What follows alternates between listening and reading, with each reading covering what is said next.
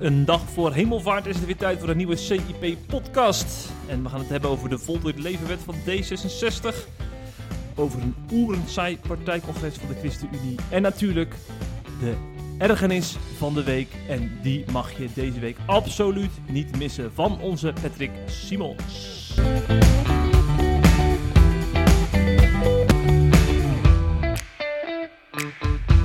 Want dat wordt een ergernis van heb ik jou daar.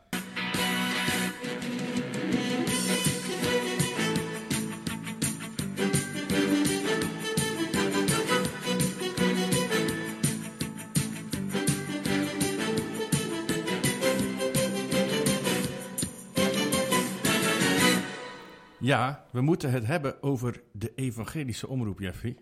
Oh ja? Ja, wat een totaal afgegleden en ongeloofwaardige omroep is dat geworden, om maar even af te trappen.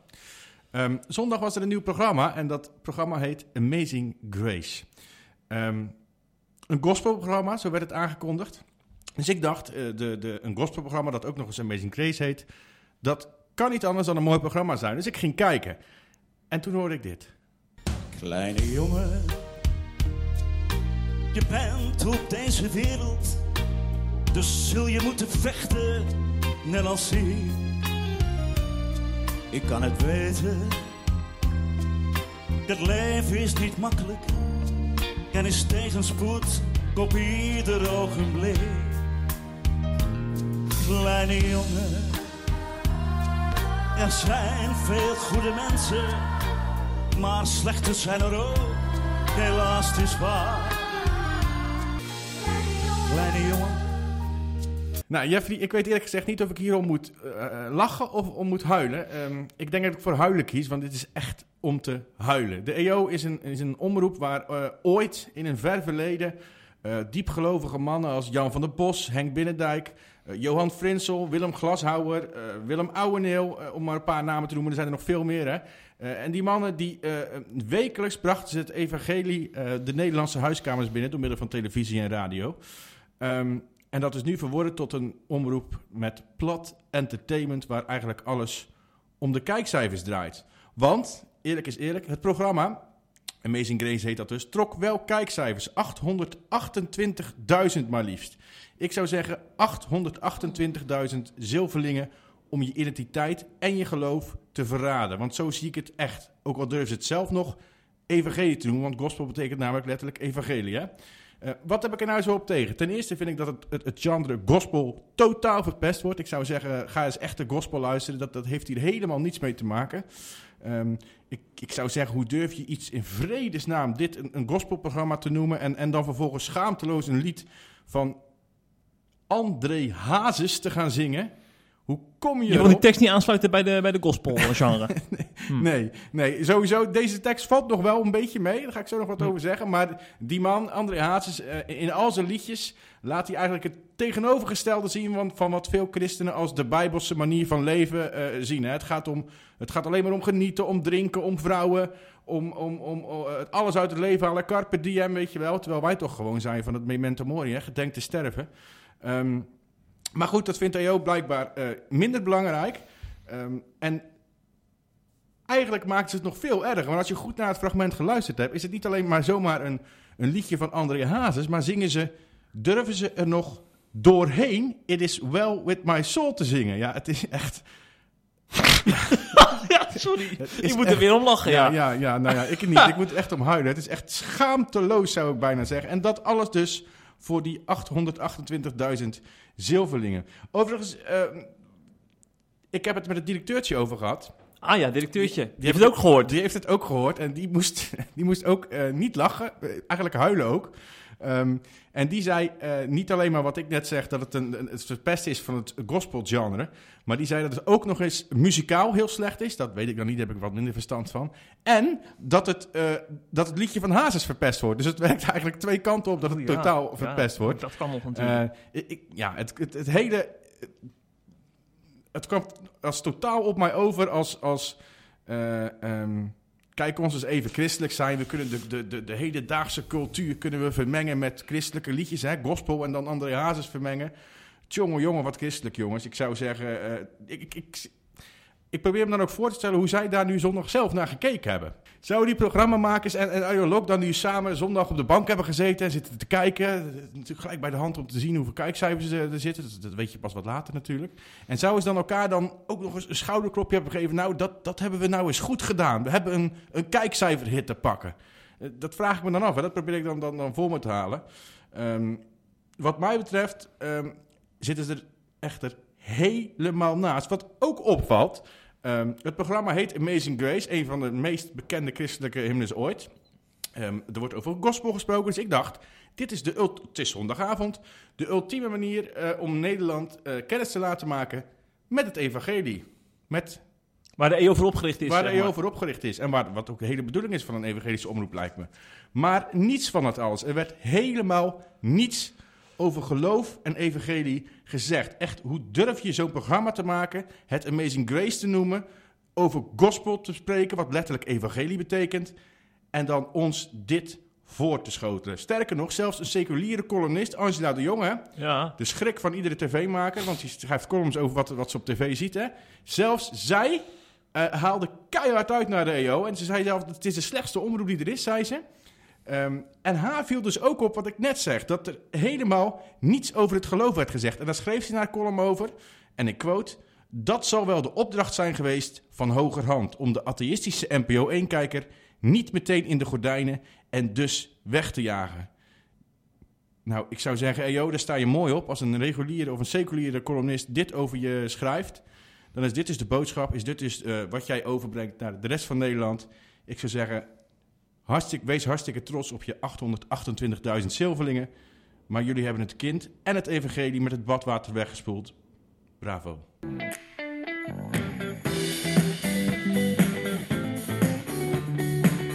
Het laatste nieuws uit christelijk Nederland bespreken we in de CIP-podcast.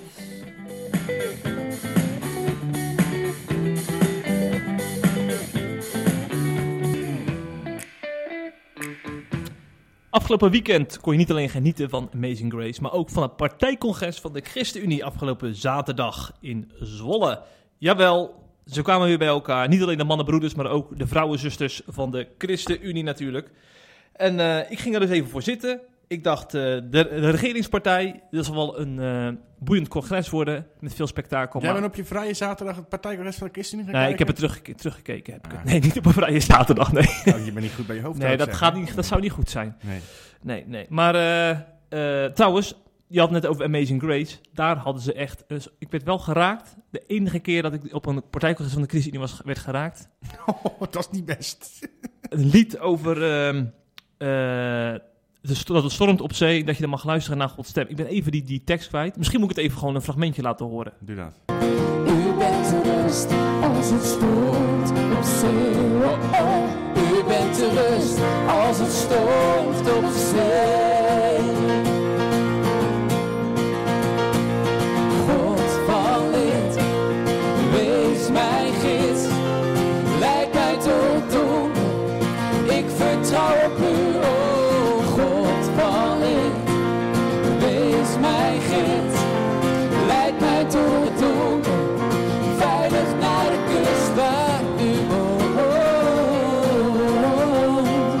En dat was het hoogtepunt van het partijcongres van de ChristenUnie.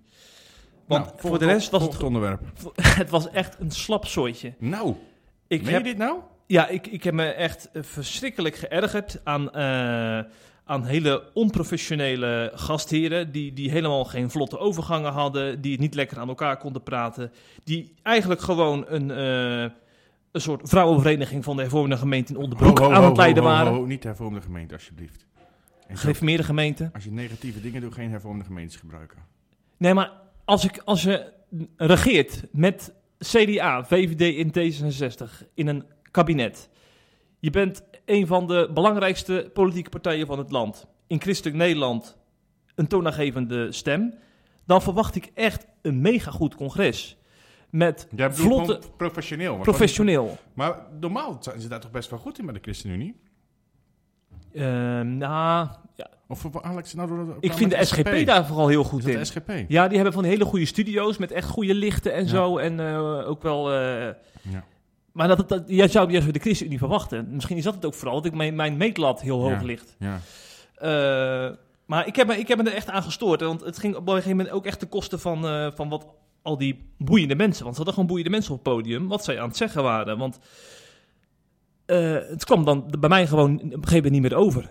Zo saai ook gewoon. Zo. Enorm saai. Het is wel heel hard in je oordeel hoor. Nee, maar, maar mag ik even een voorbeeldje geven, Ja, Patrick? tuurlijk. Op een gegeven moment, een van die gastvrouwen die zit dan met al die drie bewindspersonen van de ChristenUnie eh, op een bank. Dat, eh, die hebben dus in het kabinet momenteel drie bewindspersonen. Volgens mij twee ministers en een staatssecretaris. Hartstikke leuk, zou je zeggen. Maar dan gaat ze die bewindspersonen dilemma's voorhouden. En wat komt er voorbij? Hou je van koffie of thee? Ben je een ochtend- of een avondmens? Heb je liever een goed boek of een goede film? Kies je voor een camping of een luxe hotel? Maar dan denk ik van, dit gaat dan 10 minuten door. Zit ik hierop te wachten als ChristenUnie-lid? Je, zelfs ook alsof je op een bruiloft zit en er wordt zo'n boodschappenlied Ja, gedaan. daar weet moest je. ik aan denken, ja. Ja, ja. Ja, toen, toen, toen haakte ik eigenlijk wel een beetje af. En ik heb een suggestie voor de ChristenUnie. Ik ben afgelopen weekend eh, bij een foodtruck festival geweest in IJsselstein bij mij, Nou ja, met mijn gezin. je bent de deur uitgestapt. het was letterlijk achter in de tuin bij Ja, jou, ja, toch? klopt, klopt, klopt. jongen, wat een luxe ook. Heerlijk, ja. Maar daar, ik, ik zie het dan al helemaal voor me. Arie Slop achter een stroopwafelkraam. Eh Carola Schouten die eh, pizza's bakt. Gert-Jan Segers die cocktails maakt. En dan vervolgens allemaal muziekbandjes met, met een springkussen voor de kinderen en zo. Zou Carla Dick Faber achter de barbecue staan? Nee, nee, nee. nee. Vegetarische hamburgers wel. Dat zijn Maar- geen hamburgers. Ja, dat vind jij inderdaad. Maar dan denk ik van, dan kun je tussendoor ook nog wat afscheidsmomenten plannen. Een speech van de partijleider, even een motie. Maar dan, dan heb je een hele andere setting. En ik denk dat je daardoor ook weer mensen voor de politiek enthousiast maakt. Ja. Van mijn leeftijd. Ja, ik Want denk... ik- eh, Mensen, mensen van 31 gaan echt niet naar een partijcongres met, met een suffe bank. En eh vraag je ze over, heb je liever koffie of thee? het was toch wel aardig bezocht, toch? Ja, het was weer fysiek en het zat weer lekker bommetje vol. Maar ze hebben natuurlijk ook wel een trouwe achterban, hè. Maar eh, ik vraag me af of je de jongere generatie hier echt mee wint. Ja, maar een partijcongres is, is toch bedoeld voor die, voor die trouwe achterban? Ja, dat zeker. zeker. In die zin hebben ze ook gewoon eh, goede zaken gedaan. Ik, geen ik- promotieactiviteit? nee, nee, nee, maar ik, ik bekijk het wel ook vanuit mijn professionaliteit. Van wat, wat verwacht ik eh, Ja. als, als redacteur die, die, die gewend is aan allemaal, allemaal shows en, Ja. en, en, en, en vlotte Ja. talkshows. Wat Ja, verwacht ik dan van zo'n partijcongres? Want je zit hier zelf in een professionele studio. je zit aan een hoge tafel, op een oncomfortabele kruk, met een lauw flesje iced tea, telefoon die bijna leeg is, en dan ga je anderen verwijten dat ze niet professioneel zijn. Je kan beter een koud drankje voor me regelen. Ik denk dat het een goed moment is naar de inhoud te gaan, Patrick. Want er werd ook over de inhoud gesproken natuurlijk. Hè? Wat dacht je van de nieuwe bestuurscultuur die ons is aangekondigd al eh, een jaar geleden? Eh, daar werd een motie over ingediend door eh, drie mannenbroeders. Anthony Fountain, Wietse de Boer en natuurlijk Alex ten Katen. Daar zijn wij groot fan van. Ja, Die moet je ook echt eerste op- ben ik ook wel fan. Ja, oké. Alex ten Katen moet je echt op Twitter volgen. Die is mega scherp. Ja. Ze hadden een motie ingediend, die overigens door ruim 70% van de ChristenUnie-leden is gesteund. eh, dat er nu echt werk gemaakt moet worden van de nieuwe bestuurscultuur. Ja. Ehm, en dan zou je zeggen, hoe moet het dan gebeuren? In de motie staat dat de partij niet moet sch- schuwen moties van wantrouwen of Ja. afkeuring te steunen tegen bewindspersonen Ja. die niet integer handelen. Dus ook gewoon tegen personen met wie Ja. ze samenwerken. Dat, Dat, doen ze niet, nogal moeilijk, hè? Dat doen ze niet, vinden ze moeilijk, ja. Dus eigenlijk doen ze, eh, wil 70% van de achterban, als ik het goed begrijp, dat ze iets doen wat ze tot, op, tot dusver zeker. weigeren. Ze zijn gewoon vingers getikt eigenlijk. ja. Ja. Ja, op een christelijke manier. Ja.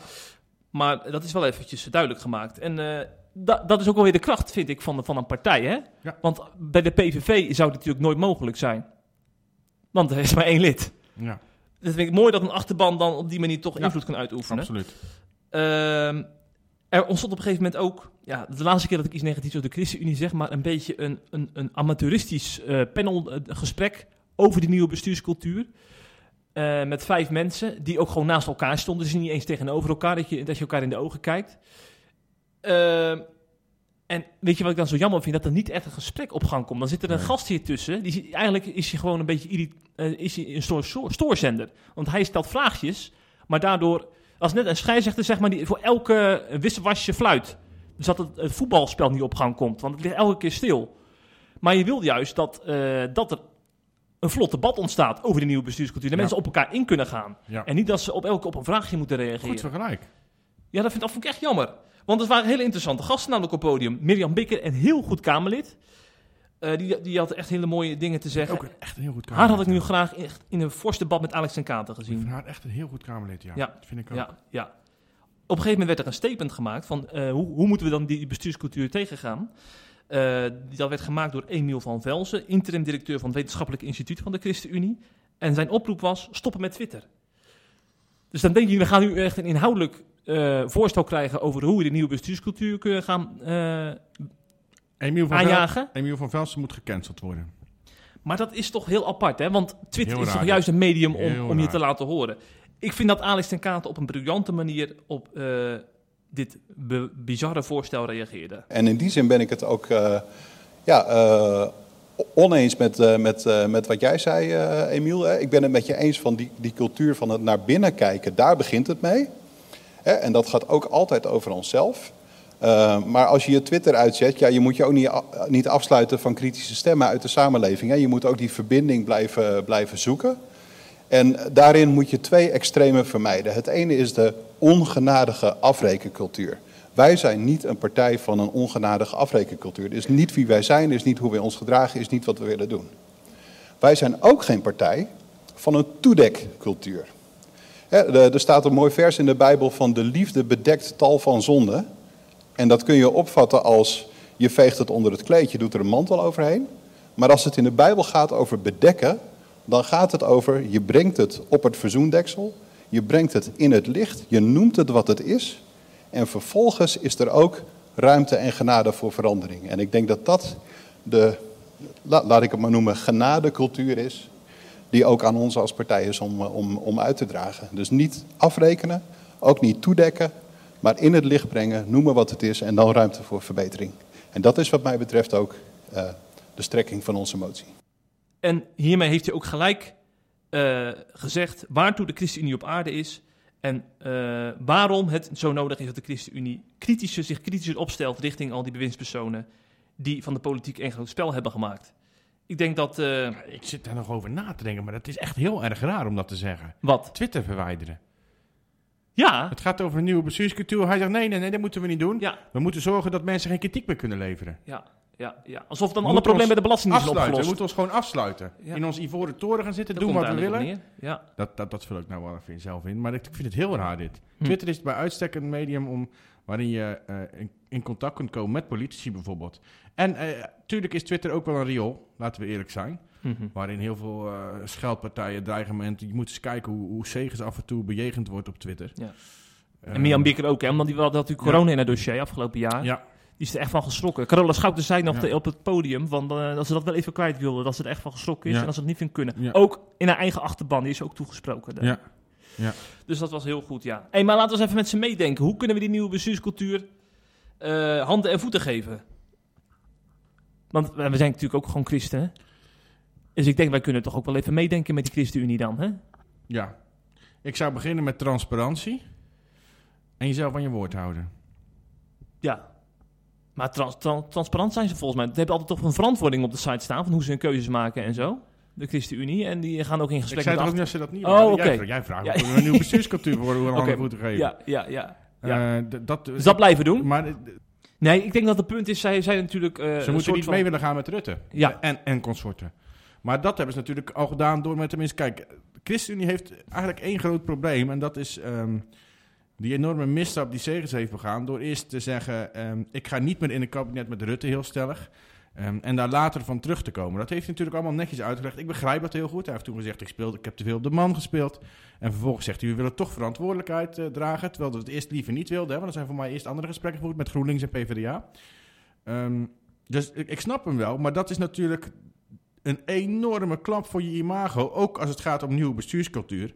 Want eerst gaat hij zeggen, we vertrouwen Rutte niet meer. En, en heel erg zich uitspreken tegen die bestuurscultuur. Vervolgens ehm, gaat hij alsnog met Rutte eh, in een kabinet zitten. Komt hij dus eigenlijk zijn woord niet helemaal na. En, wat nog veel belangrijker is, er is een kabinet geweest vorig jaar. Dat kabinet is gevallen omdat er eh, eh, op schandalige manier is omgegaan met duizenden burgers in Nederland. Hè? Die toeslagenaffaire heb ik het over. Vervolgens hebben we nu een nieuw kabinet. Daar zitten dezelfde poppetjes, alleen op andere plekken. Mhm. En daar doet ChristenUnie gewoon aan mee. Hoe je het ook bent of keert, ze zitten daar gewoon bij weer ook. Dus, dus eh, en ik, en, en, eh, Maar onder de het- voorwaarden? Of het zo is, Ja. dat weet ik niet. Maar dat geeft de indruk aan mensen Mhm. dat ze ermee akkoord gaan. En dan kan je zeggen, onder voorwaarden ga jij nu zeggen dat er een nieuwe bestuurscultuur precies. komt. Nou, dat is gelukt, hè? De sms'je van Rutte. Als we naar de afgelopen half jaar kijken. Hugo de Jong in zijn mondkapjesdebat. Precies. Deal. Ja. Het is totaal, totale chaos nog steeds. Het is nog steeds Hm. de oude, oude jongens krentenbrood, zou ik willen zeggen. Ehm, en je moet ook niet de illusie hebben dat je daar iets aan kan veranderen met je Nee. zes zetels. Maar misschien is Je bent niet... gewoon, je, bent, je wordt gebruikt. Maar weet je wat erger is? Eigenlijk, als- de ChristenUnie uit het kabinet stapt, dan doen ze dat ook nog eens in een eigen voordeel. Want ze zijn de enige partij die in de plus staan in de peilingen. Ja. Ja, ja, maar ik denk niet, daar zijn ze ook weer te, te, te... Te loyaal voor. Ja, en daar hebben ze te veel verantwoordelijkheidsgevoel Ja, voor. dat Dat, vind ik ook wel goed hoor. Ik vraag me af of hij nou uit het kabinet moet gaan stappen. Dat zeg ik, dat vind ik... Mm, mm. Ligt eraan wat er, als er nog, natuurlijk nog een paar dingen gebeuren wel. Wat lijkt ik de ben benieuwd naar eh, ja, wat, hoe, dat, hoe de toeslagaffaire af gaat lopen. Want dat is natuurlijk nog steeds niet opgelost. Sterker nog, er is nog helemaal niks gedaan. Ja. En ik zag, van, ik zag vorige week toevallig weer beelden langskomen op Twitter van een van die... Er zijn ook kinderen bij ouders weggehaald, hè. En zag ik voor een, een filmpje langskomen van een, van een kindje... wat door politiemannen letterlijk losgerukt wordt van een moeder. Mhm. Dat kindje krijsen, huilen, schreeuwen, trappelen. En die wordt gewoon echt... Nou, dit, dat, zijn, dat zijn bijna nazi-tafereelen. Ik, ik zeg niet dat die politie nazi's zijn. Ehm, al is het wel eh bevel is bevel. Eh, maar als je die beelden ziet, zeg maar... En, en je weet het hele verhaal daarachter... van die hele toeslagaffaire... Ja, dan is het... En, en, en vervolgens zien we dat die, wat ik net zeg... dat diezelfde popjes nu gewoon weer vrolijk aan het regeren zijn. Mhm. En nou weer allemaal lekker bij dat WEF zitten. Wat, eh, waar eh Gert-Jan Segers overigens vorig jaar van zei... Ik weet, niet, weet helemaal niet wat dat clubje is. Ik heb er nog nooit van gehoord. Dus dat, dat, dat, dat is ook niet waar natuurlijk. Nee. Maar goed, het, eh, ik, ik, uit. Ja, maar ik denk eh, in ieder geval dat het wel belangrijk is om ook te beseffen dat ze achter de schermen natuurlijk ook heel veel druk uit kunnen oefenen, wat wij helemaal niet meekrijgen. Dus heel veel mensen hebben het idee dat ChristenUnie een beetje overal in meegaat, maar ik denk ook wel dat ze achter de schermen flink de druk erop opvoeren. Waar, Dat- waar baseer je dat op?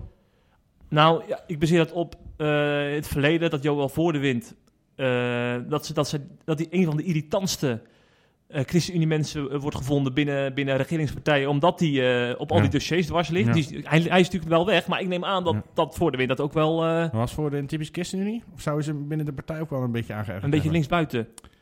Ja. Ja, een beetje moeilijk te zeggen nu hij zo met vol bombardie afscheid heeft genomen met, lu- met luid applaus. Hij was toen toch ook de enige die dwars lag bij een... of was dat Apple Branch? Bij migratie was dat toch? Bij, ja, migratie of zo. Ja. Maar het is- die, die, die, wilde die, die wilde die het niet ondertekenen of zo, het regeerakkoord, toch? Wat was dat nou? Ja, ik kan het ook niet helemaal meer voor de geest halen, eerlijk gezegd. Maar hij heeft dwars gelegen dat de ChristenUnie daar ook wel eh, wisselgeld voor heeft teruggekregen Ja. in ieder geval. Ja. Dus dat, Ja. dat, dat is natuurlijk het voordeel van meedoen, hè? Ja, ja ik denk dat de ChristenUnie vooral eh, eh, veel heeft gekregen op het gebied van klimaat. Ja. Op andere punten niet zo heel veel, toch? Klimaat en ja. sociale rechtvaardigheid, misschien sociale... daar Ja. misschien ook wel Ja. een beetje op. Maar verder niet heel veel. Medisch ethisch natuurlijk ook niet. Daar hebben ze de deur wijd open gezet. Mhm. Dat had ChristenUnie niet, hè. Maar daar, hebben ze, daar zijn ze niet dwars gaan liggen, laat ik het zo zeggen. Ja, ja, ja.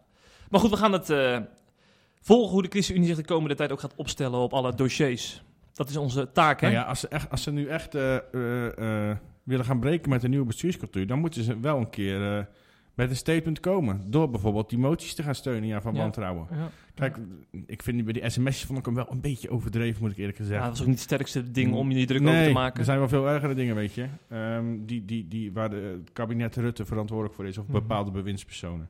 Ja. Dus ik vond dat nou niet zo heel erg. Maar als er nou weer allemaal lijken uit de kast komen rollen, zoals jij zei... Ja, dan wordt het misschien wel eens een keer tijd om een statement te maken door zo'n motie te steunen. Maar ja, ehm, Rutte kennende, als je dat doet, dan, dan, dan, dan breekt... Dan breekt eh, hoe zeg ik dit netjes? Dan breekt de... Hel los. Nou, dat vind ik niet zo netjes. Nee? Dan breekt de hel los. Ja, dat denk ik wel, ja. Rutte is, Hm. eh, schijnt achter de schermen een zeer dominante man te zijn. Hm, hm. Maar jij hebt goed nieuws te vertellen, toch? Ja, ik heb Bij onze oosterburen? uitstekend nieuws. Ik ga zo naar huis. Ja, daar heb jij veel zin in, dat begrijp ik. ja, ga lekker barbecuen en weer voetbal kijken. Jongen, jongen, jongen, jongen. Nee, er is heel goed nieuws vanuit Duitsland. Ik zou zeggen, ook vooral heel goed nieuws voor de vrijheid van meningsuiting en goed nieuws voor de vrijheid van godsdienst. Ehm, wat is namelijk het geval? Dominee Olaf Latsel, de predikant uit Bremen, ehm, is in hoger beroep vrijgesproken van volksopruiming. Wat is er nou met die man gebeurd? Even een korte herinnering, of even een korte terugblik. Hij werd ehm, eind 2020 uit mijn hoofd werd hij veroordeeld vanwege aanzetten tot haat en volksopruiing. Dat kwam doordat hij tijdens een huwelijksseminar ehm, bepaalde uitspraken deed over homoseksualiteit. Hij zette volgens het Openbaar Ministerie homoseksuelen weg als misdadigers en stelde dat homoseksualiteit een vorm van degeneratie van de maatschappij is. En ook noemde hij gendertroep, tussen aanhalingstekens, dat is dus zijn citaat, een aanval op Gods scheppingsorde die, de, die duivels en satanisch is. Zo. Wat een uitspraken, joh. Ja, nou, de rechtbank ehm, vond dat dus ook. En die heeft hem eh, eh, veroordeeld voor volksopruiming. En daarvoor kreeg hij een geldboete van ruim 8000 euro. Eh, het klopt ook gewoon dat hij die uitspraken deed. En daar heeft hij, ehm, voordat, de rechtspraak, voordat de rechtszaak was, heeft hij daar ook al excuses voor aangeboden. Maar ehm, dat is niet het hele verhaal. En dat hele verhaal zit namelijk net iets anders in elkaar. Ehm, hij zegt namelijk dat hij met, hij noemde homoseksuele misdadigers, maar hij zegt, daarmee bedoelde ik niet alle homoseksuelen in de wereld, maar ik bedoelde de activistische homoseksuele mensen die onze kerk lastigvallen. En hij noemde dat zelfs militante agressors. Ehm, diverse bronnen eh, rondom zijn kerk, waar, dat is dus de kerk in Bremen, waar hij stond, hebben inderdaad beweerd dat hij... eh, eh, hij is inderdaad lastiggevallen door activisten, die kerk. Ehm, die, die, die, die, die spoten bijvoorbeeld godlastelijke leuzen op, op het kerkgebouw eh, met, met graffiti. Ehm, of ze gingen bij een kerkdienst staan schreeuwen en staan gillen. Ehm, zijn auto is een keer beklad volgens mij. Of ze gingen half naakt met, met een bloot bovenlijf en blote borsten ehm, eh, voor de kerk staan als de kerk in of uit ging. Weet je wel. Dus die zijn echt, echt langdurig getreiterd en lastig gevallen. Ehm, en dat werd die man een keer beu. En toen heeft hij dus die uitspraken gedaan. Wat natuurlijk sowieso niet slim is en niet goed is. Eh, maar dat maakt ze eh, wel een, Begrijpelijk. ja, begrijpelijk. En, en dat is ook een heel ander verhaal dan dat, dan dat een dominee eh, vanaf een Ja. preekstoel homoseksualiteit en homoseksuele aanvalt Ja. natuurlijk. Ja. Nou, er is een hele lange rechtszaak van geweest, eh, voor geweest. Toen werd hij dus veroordeeld in 2020. Ehm, vervolgens is hij in hoger beroep gegaan. Dat hebben wij natuurlijk van dichtbij gevolgd vorige week. Ja. Ehm, in het hoger beroep is hij vrijgesproken. Dat is op 20 mei gebeurd. Dus eh, alle aanklachten zijn vervallen. Eh, alleen heeft het parket, het Bremers parket, nu opnieuw hoger beroep aangetekend. Dus de zaak is nog niet voorbij. De komende weken gaan ze eigenlijk kijken of dat, of dat zin heeft. Dus ze hebben nu beroep aangetekend en dan gaan ze de komende weken ehm, Mhm. op basis van het vonnis van vorige week gaan ze beoordelen of, of het nut heeft om dat inderdaad te doen. Want het hoogberoep zal dan niet eh, inhoudelijk over de zaak gaan. Dus het is niet dat ze weer opnieuw alles gaan behandelen. Er wordt eigenlijk alleen maar gekeken of er eh, juridische fouten gemaakt zijn, dus vormfouten. En aan de hand daarvan kan wellicht het hoge beroep vernietigd worden. Ehm, dus ik zou zeggen, eh, wordt vervolgd, Hm. maar ik vermoed dat het hierbij blijft. Ja. Dat het bij vrijspraak blijft. En misschien dat, die, dat eh, de boeddhisten nog eens een keer een rechtszaak tegen hem aan gaan spannen. Heb je gehoord wat hij ooit over de Boe- Boeddha heeft gezegd? Nee. Stond in Nee. de RD. Hij heeft geroepen dat Boeddha een dikke, oude, vette heer is. Nee, is toch zo? ja, Ja, maar ik vind dat wel zo leuk dat zo'n predikant in een preek even de behoefte heeft om dat even te melden dan. ja. Maar hij, dat is wel zo'n mannetje die dat leuk vindt, hè? Af en Ja, toe een statementje ja, ja. te Het spreken. is, het is wel een, een, een, provocateur, ja. Ja, Ja. en dat vind ik een groot verschil met dominee Kort. Hè? Want soms worden die zaken een beetje door elkaar gehaald. Ik vind het een hele andere kwestie hoor, eerlijk gezegd. Want Kort heeft helemaal niks over homoseksualiteit gezegd. En werd, kwam opeens met zo'n zaak in aanraking. En hij heeft natuurlijk wel dingen gezegd. ja. Ja, maar beide zaken raken natuurlijk wel de vrijheid van godsdienst en de Ja, vrijheid van dat is de meningsuiting. gemene En, deler. En Ja. daardoor wordt het met elkaar vergeleken. Net als die, Ja, maar Kort is wel inderdaad een ander verhaal. Net als dat Kort een heel ander verhaal is dan die vrouw in Finland. Ja, Want die zijn echt, die zeggen, die ze hebben, zowel die vrouw in Finland als dominee Latso hebben wel echt dingen over homoseksualiteit gezegd waar je van denkt, nou... ja. ehm, maar ik vind dat ze dat mogen, overigens. Laat dat Ja, duidelijk en dat mag zijn. gelukkig in alle drie de maar landen Kort ook. heeft, Kort heeft helemaal niks over homoseksualiteit Nee, gezegd. dat is het bizar. Eigenlijk die Nederlandse zaken is het bizarre van allemaal. Ja, dat is echt bizar, ja.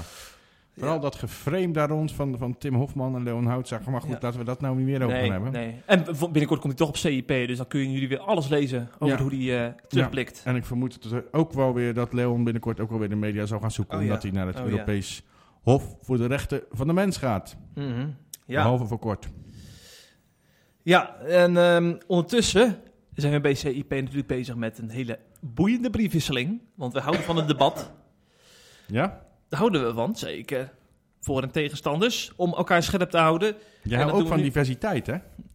Hoe weet je dat? Dat zei je net tegen mij. Dat was voor de podcast, hè? Ja.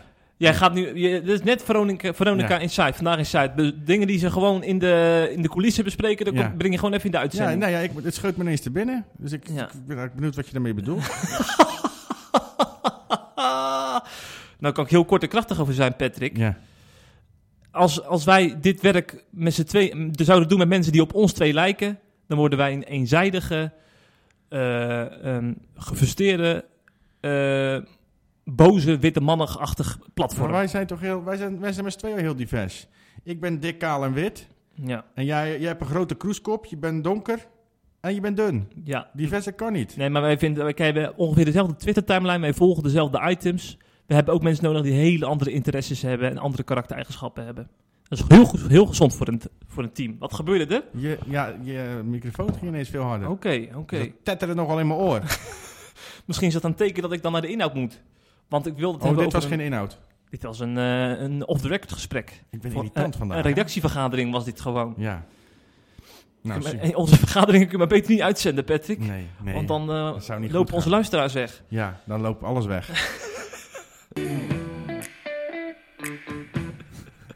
Hey, maar die briefwisseling, over, die heb je toch wel eh, gevolgd momenteel? Tuurlijk, dat doet een hervormde predikant mee. Dan volg ik alles. Ja, dominee Jan Belder, die schrijft Ja, met... J. eh. Belder, ja. oh ja, in, de, in, Voor, jullie, voornamen doe je maar bij de in jullie evangelie. gezinten doen jullie even voorletters, hè? ja. Maar ik mag wel dominee Piet Schelling zeggen, want die komt eh, weer uit een wat lichtere stroming. En deze dominee, Piet Schelling, die heeft ontdekt dat euthanasie echt toch wel mogelijk is op bijbelse gronden. Dat heeft hij uitgelegd in zijn boek... eh, als het niet meer gaat, samen met een arts geschreven, Ad Nuit, vind ik altijd heel goed dat een predikant dan niet op de stoel van de arts gaat zitten, maar daarnaast, zeg maar. Hè? En dan samen een Ja. boodschap de wereld in brengt. Ja. En dan is natuurlijk de verleiding groot om die man gewoon lekker een podium te geven en zijn zegje te laten doen. Maar Ja. dan krijg je gedonder in onze achterban. Hè? Nou, nou, nou, nou, gedonder. En daar hebben wij, zitten wij niet op te wachten. er zit niemand op zijn, te wachten. zijn we helemaal niet van van de ophef. Dus dachten we, laten we een briefwisseling eh, organiseren met die dominee J. Belder. Die ooit veel artikelen ook voor de waarheidsdienst heeft Ja. geschreven over hoe hij over eh, euthanasie denkt. ja, dat En dat is natuurlijk heel anders. En dan krijg je een heel interessant gesprek. Ja. Eh, en dat is twee, weken, twee weken geleden begonnen. Ik denk dat vrijdag de slotbrief van dominee Belder online komt. En dan sluit Schelling de briefwisseling volgende week af. Echt een aanrader om te volgen. En eerlijk gezegd zeg ik dat niet om zomaar mijn eigen site te promoten. Ik bedoel... eh, Mijn hou- eigen site ook gewoon. Mijn eigen site. Wat dacht je van onze? Onze, ons CIP, Jongen, ons lieve kindje. Ons lieve kindje. Ik zeg dat omdat ik teleurgesteld was in de vorige briefwisselingen. Die gingen over de Great Reset met Gertjan Segers onder andere. Was je daar teleurgesteld in? Ja, want het was eenrichtingsverkeer. Mensen, eh, je hebt soms een briefwisseling, daar gaan Er mensen niet er ontstond geen connectie. met... eh, geen connectie. Ze waren en allebei was- hun eigen verhaaltje aan het klopt. houden. Ja, dat klopt. Dat en dat was bij de eerdere ook zo over de transgenders. Hadden een transgender persoon en een eh, dominee die er tegen was, hadden we ook met elkaar in gesprek laten gaan. Dominee Verenen, was Vond dat zeker? Ja, heb ik ook niet heel veel... eh, ehm, Verbinding. Je mist de verbinding. dan miste ik inderdaad ook die verbinding. Die verbindende jongen, woorden. Jongen, jongen, diversiteit, Diversiteit en verbinding, dat zijn, ja, dat zijn, lekker, mijn, lekker zijn mijn pijlers. Lekker deugen. Ja. Maar die Het ontstond is maar goed dat je in de Randstad woont tegenwoordig. ja, ja, heb ik hem weer gezegd. Is er weer iemand boos? Maar ik zag dat dus ontstaan in, al bij de tweede of derde brief bij Schelling en Belder. En dat vind ik toch heel mooi. Zeker bij dit item, maar zo enorm ver uit elkaar staan. Verder kan bijna niet. Eh, Laat ik even één citaatje erbij pakken van, eh, van Schelling. Om maar eens Mhm. even een tip van de sluier te lichten, op te lichten. We moeten in de discussie over het thema goed voor ogen houden dat vragen over euthanasie opkomt als het leven niet meer is uit te houden. In jouw brief, zegt hij dan tegen Belder, vind ik van deze notie te weinig terug. Een ernstig zieke man die euthanasie had aangevraagd, zei in een gesprek: Ik wil niet dood, maar ik kan niet verder leven. Hij bedoelde: Het lijden is te zwaar, ik verdraag het niet langer. In zo'n context is het enige dat theologisch hout snijdt het lijden te begrijpen en als pastoor dat ondraaglijke lijden te verbinden met de naam van de eeuwige. Dan denk ik, ja, hier kun je heel veel kritiek op hebben. Maar ik vind het zo heerlijk dat dit gewoon openlijk wordt gedeeld. In your face bij eh, eh, Belder. En dat hij vervolgens ook weer terug kan reageren. En dat doen ze op een eigen fatsoenlijke manier. Ik, ik hou daarvan. Ik hou van, van, die, van die mensen met levenservaring, met veel kennis, die op deze manier met elkaar in gesprek gaan. Ik zou bijna zeggen, ik, ga, ik organiseer een congres, een CIP-congres. Met hele vlotte presentatoren en goedlopende inhoudelijke debatten. Maar dan nodig ik geen ChristenUnie gastheren uit, maar Thijs van der Brink of zo. Of Jurjen ten Brinke. Dat zijn mensen, oh, laatst dit voor de ChristenUnie, dat zijn mensen die je volgende keer moet uitnodigen. Echt professionele gastheren. Wat zit je me nou naar aan te kijken, Patrick? Nou, ik zit gebiologeerd te luisteren naar je betoog. Ik zeg je helemaal Ja, ik, niks. ge- ik geef je allemaal tips gewoon gratis weg. Ja. Aan een van onze belangrijkste politieke partijen. Nou, nou, nou, een van onze belangen. Zou, zouden ze wel eens luisteren, zit ik me wel eens af te vragen. Want we hebben het natuurlijk al twee jaar over de ChristenUnie, maar ik Denk het niet. denk niet dat ze luisteren. Hmm. Luisteren er überhaupt mensen? Zitten we hier gewoon, beter... Ja, zitten we hier gewoon tegen onszelf te praten? kunnen we niet volgende zonder microfoons gewoon eh, wat items door, doornemen. maar Ik heb geen idee. Jij houdt dat altijd bij, hè? jawel, jawel. Er luisteren mensen, dus laten we toch maar naar dat laatste Ja, item gaan. precies. dus, eh, Ja, want jij hebt het over euthanasie. Ehm, dat is, ehm, daar wil ik verder vanaf blijven. Maar dat is bij wet geregeld, hè, in Nederland, euthanasie. hmm. Maar voor eh, D66, of zoals critici zeggen, dood 66, ehm, is dat niet genoeg. Wat willen die namelijk al jarenlang een wet voltooid leven? Waar draait die wet om? Dat is een wet waardoor het mogelijk wordt dat eh, mensen ouder dan 75 jaar, die hun leven als voltooid zien, ehm, terwijl ze gewoon gezond zijn, dus niet ziek zijn of iets dergelijks, dat die eh, ook uit het leven kunnen stappen op een inhumane, of op een, op een humane manier. Ehm, je kan het ook inhumaan vinden trouwens. Dus, dus eigenlijk kennen gezonde mensen die zeggen: Ik ben het leven beu, joh, ik, ik, ik stop ermee. Maar wel 70-plussers toch, neem ik aan. 75 of 70 plus. 75 dacht ja, ik, ja. ja. Ja, ja, ja, zeker wel. Maar goed, dat maakt het niet minder Nee. erg. Hè? Nou, D66 wil die wet eigenlijk al jaren doorvoeren. Lukt niet eh, eh, 1, 2, 3. Deze week kwam naar buiten, en dat is eigenlijk heel goed nieuws, dat de Raad van State, dat is het hoogste adviesorgaan in Nederland, ehm, dat die zeer kritisch is op eh, die voltooid levenwet. Ehm, dat waren ze eigenlijk al, al, al heel lang. Dat is dit, die, die, die, die kritiek is twee jaar terug, twee jaar geleden al ehm, eh, eh, gegeven. Uitgebracht door de Raad van State. Niet in het openbaarheid, maar aan D66. Maar die partij, logisch, publiceerde dat natuurlijk niet, die kritiek. Eh, maar nu eh, is het deze week alsnog naar buiten gekomen vanwege een nieuwe wet. ehm, waardoor eh, bepaalde eh, adviezen openbaar moeten komen. au- Automatisch openbaar komen na, na een bepaalde tijd. Hm. Dus nu eh, is dus naar buiten gekomen dat de Raad van State zeer kritisch is op die wet. Ze zeggen dat er te weinig waarborgen in de wet zijn ingebouwd. Die moeten voorkomen dat mensen overhaast een einde aan hun leven willen maken zonder dat ze eigenlijk echt dood willen. Hè? Sterker nog, ze zeggen het wetsvoorstel kan op deze manier niet in behandeling moet, eh, worden genomen en zal dus echt eh, behoorlijk aangepast moeten worden. Ehm, nou, dat is nogal nieuws, hè? Eh, en het bijzondere is dat de kritiek die, die de Raad van State heeft, ehm, eigenlijk helemaal niet nieuw is. Dat is kritiek die we eigenlijk al jarenlang horen, onder, onder meer van de commissie Els van Wijngaarden. Die heeft uitgebreid onderzoek gedaan naar heel, naar heel dit verhaal. Wanneer is een leven bijvoorbeeld voltooid? Is, is, is een doodswens, ehm, staat die vast of kan die ook veranderen? Ehm, en de belangrijkste kritiekpunten van de Raad van State, ik zal ze toch opnoemen, ook al waren ze al, eh, eigenlijk al bekend, ehm, zijn allereerst dat zonder twijfel moet worden vastgesteld dat iemand echt dood wil. Eh, en dat is volgens hun niet genoeg gewaarborgd in de wet. Ehm, ook moet vast worden gesteld dat een doodswens niet te maken heeft met andere problemen. Kijk, de vraag is eh, of iemand echt dood wil of, Hmm. of dat iemand eenzaam is. Of dat iemand financiële problemen heeft. Of dat iemand moeite heeft met fysieke ongemakken bij het ouder worden. Dat zijn allemaal... eh, dat is, niet, dat iets anders dan een voltooid leven hebben. Hè? Want die problemen kan je oplossen. Eenzaamheid kan je eh, oplossen door met z'n allen ervoor te zorgen dat mensen die eenzaam zijn meer bezoek krijgen. Of dat we leuke dingen met ze gaan doen. Dat zou ik trouwens iedereen aan willen raden om vooral als oudere mensen op te zoeken. En niet alleen je eigen oma of opa of vader of moeder. Ehm, financiële problemen kunnen ook opgelost worden. Dus, dus, en ook dat is onvoldoende eh, in de wet gewaarborgd volgens de Raad van State. Bovendien, wat ik net al zei, ehm, de doodswens is veranderbaar. Er zijn behoorlijk veel mensen die op een bepaald moment in hun leven eh, dood willen, van, van 75 en ouder. hè. En dat een jaar later, als bepaalde situaties veranderen of, de, eh, eh, em, em, em, of hun eigen gemoed verandert, dan willen ze toch niet meer dood. Hè? Maar ja, als je het dan al eh, Ja, eh, hebt gedaan, dan beter later, als je dan al onder de grond ligt. Dus daarom zegt die Raad van State, dat is allemaal, het staat niet genoeg eh, gewaarborgd in die wet. Dus die wet kan op deze manier eh, eigenlijk niet aangenomen worden. Nou, daar waren ChristenUnie en SGP uiteraard ontzettend blij mee. Mirjam Bikker, daar is ze weer, die reageerde door te stellen dat dit wetsvoorstel de overheid hulp laat bieden bij zelfdoding van gezonde mensen. En SGP-Kamerlid Christoffer, die noemde het roekeloos als D66 toch door zou gaan met de plannen. Nou heb ik, ehm, ik moest hierbij denken aan een interview wat ik zo'n twee jaar geleden had met dokter Henk Post. Eh, die heeft een boek geschreven over dit onderwerp. Twaalf artikelen over voltooid leven, geloof ik. Of over euthanasie, ik weet het niet meer. Hij heeft een boek geschreven, twaalf artikelen over voltooid leven. Ehm, en die sprak dus uitgebreid over dit wetsvoorstel en over het onderwerp. En die ehm, stelde onder meer dat we met die wet, voltooid levenwet dus, als maatschappij ver een grens over zouden gaan. En ik citeer, uit het onderzoek van Els van Wijngaarden blijkt dat het helemaal niet over voltooid leven gaat.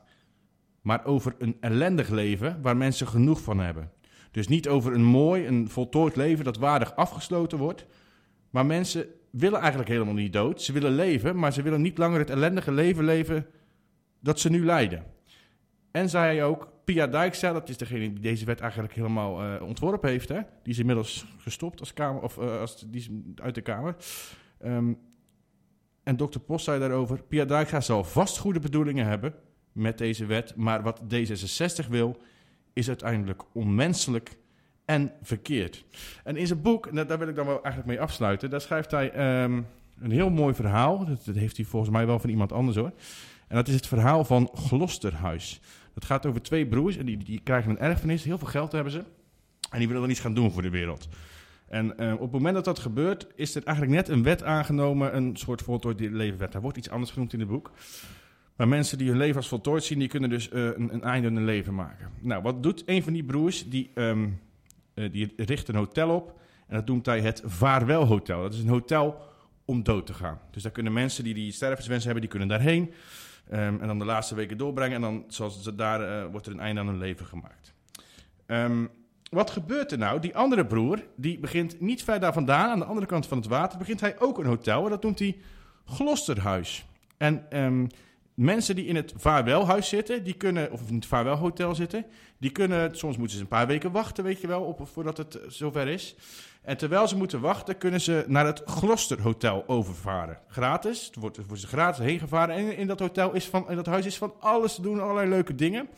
En opvallend veel mensen bevalt het in dat Glosterhuis zo goed, dat ze eigenlijk niet meer terug willen naar dat vaarwelhotel. En schrijft hij dan, en dat is denk ik echt de crux van deze hele eh, thematiek, ze overwinnen, want dat is dus eigenlijk precies het probleem, ze overwinnen hun angst om verder te leven. En zien weer mogelijkheden om van het leven te genieten totdat ze een natuurlijke dood sterven. Nou, daar hoef ik toch verder niks meer uit te leggen. Absoluut. Ik zit te denken, zal mijn leven voltooid zijn als Excelsior zondag verliest? Want dat is een hele moeilijke dobber, hè, die we nog moeten nemen. Oh, ik, dacht, hobbel. ik, denk, ik dacht begin over zijn vrouw die zondag is uitgerekend, maar dat is ook, dat moet ook nog dat is gebeuren. minder belangrijk Het is zeker. dezelfde dag in principe, Zo, ja. nou, nou. Dan ga ik wel in jouw plaats naar Den Haag. Ja, dat vind ik goed, ja. Lekker, nu Want, jij- zin in. want jij bent ook een beetje supporter geworden, hè, van mijn ja, clubje. ja, prachtig. Vind ik leuk, joh. Ik ben ervan aan het genieten elke keer. Ja, ja. Dus eh, hopelijk dat ze die finale Ja. winnen. En dan spelen we volgend jaar tegen PSV. En tegen Ajax. En Ja. tegen Feyenoord. Kan is jij mee naar. PSV met mij? Ja, ja, ja. Leuk. Hey, ik stel voor dat we de podcast gaan afsluiten. En ik weet een hele goede manier om dat te doen. Oh ja? Namelijk met de, we hebben het over de EO gehad, hè? Ik heb behoorlijk veel kritiek gehad Ja, op dat, zeker, op dat zeker. achterlijke programma. ja. Ga je nu nog even wat veert in de kont Laten we, nee, Oh. laten we afsluiten met het echte Amazing Grace. Oh, dat vind ik mooi. Ja, zonder Dries Roelvink. Dus Zonder Dries Roelvink. Tot volgende week. de groeten. Amazing grace, how sweet the sound that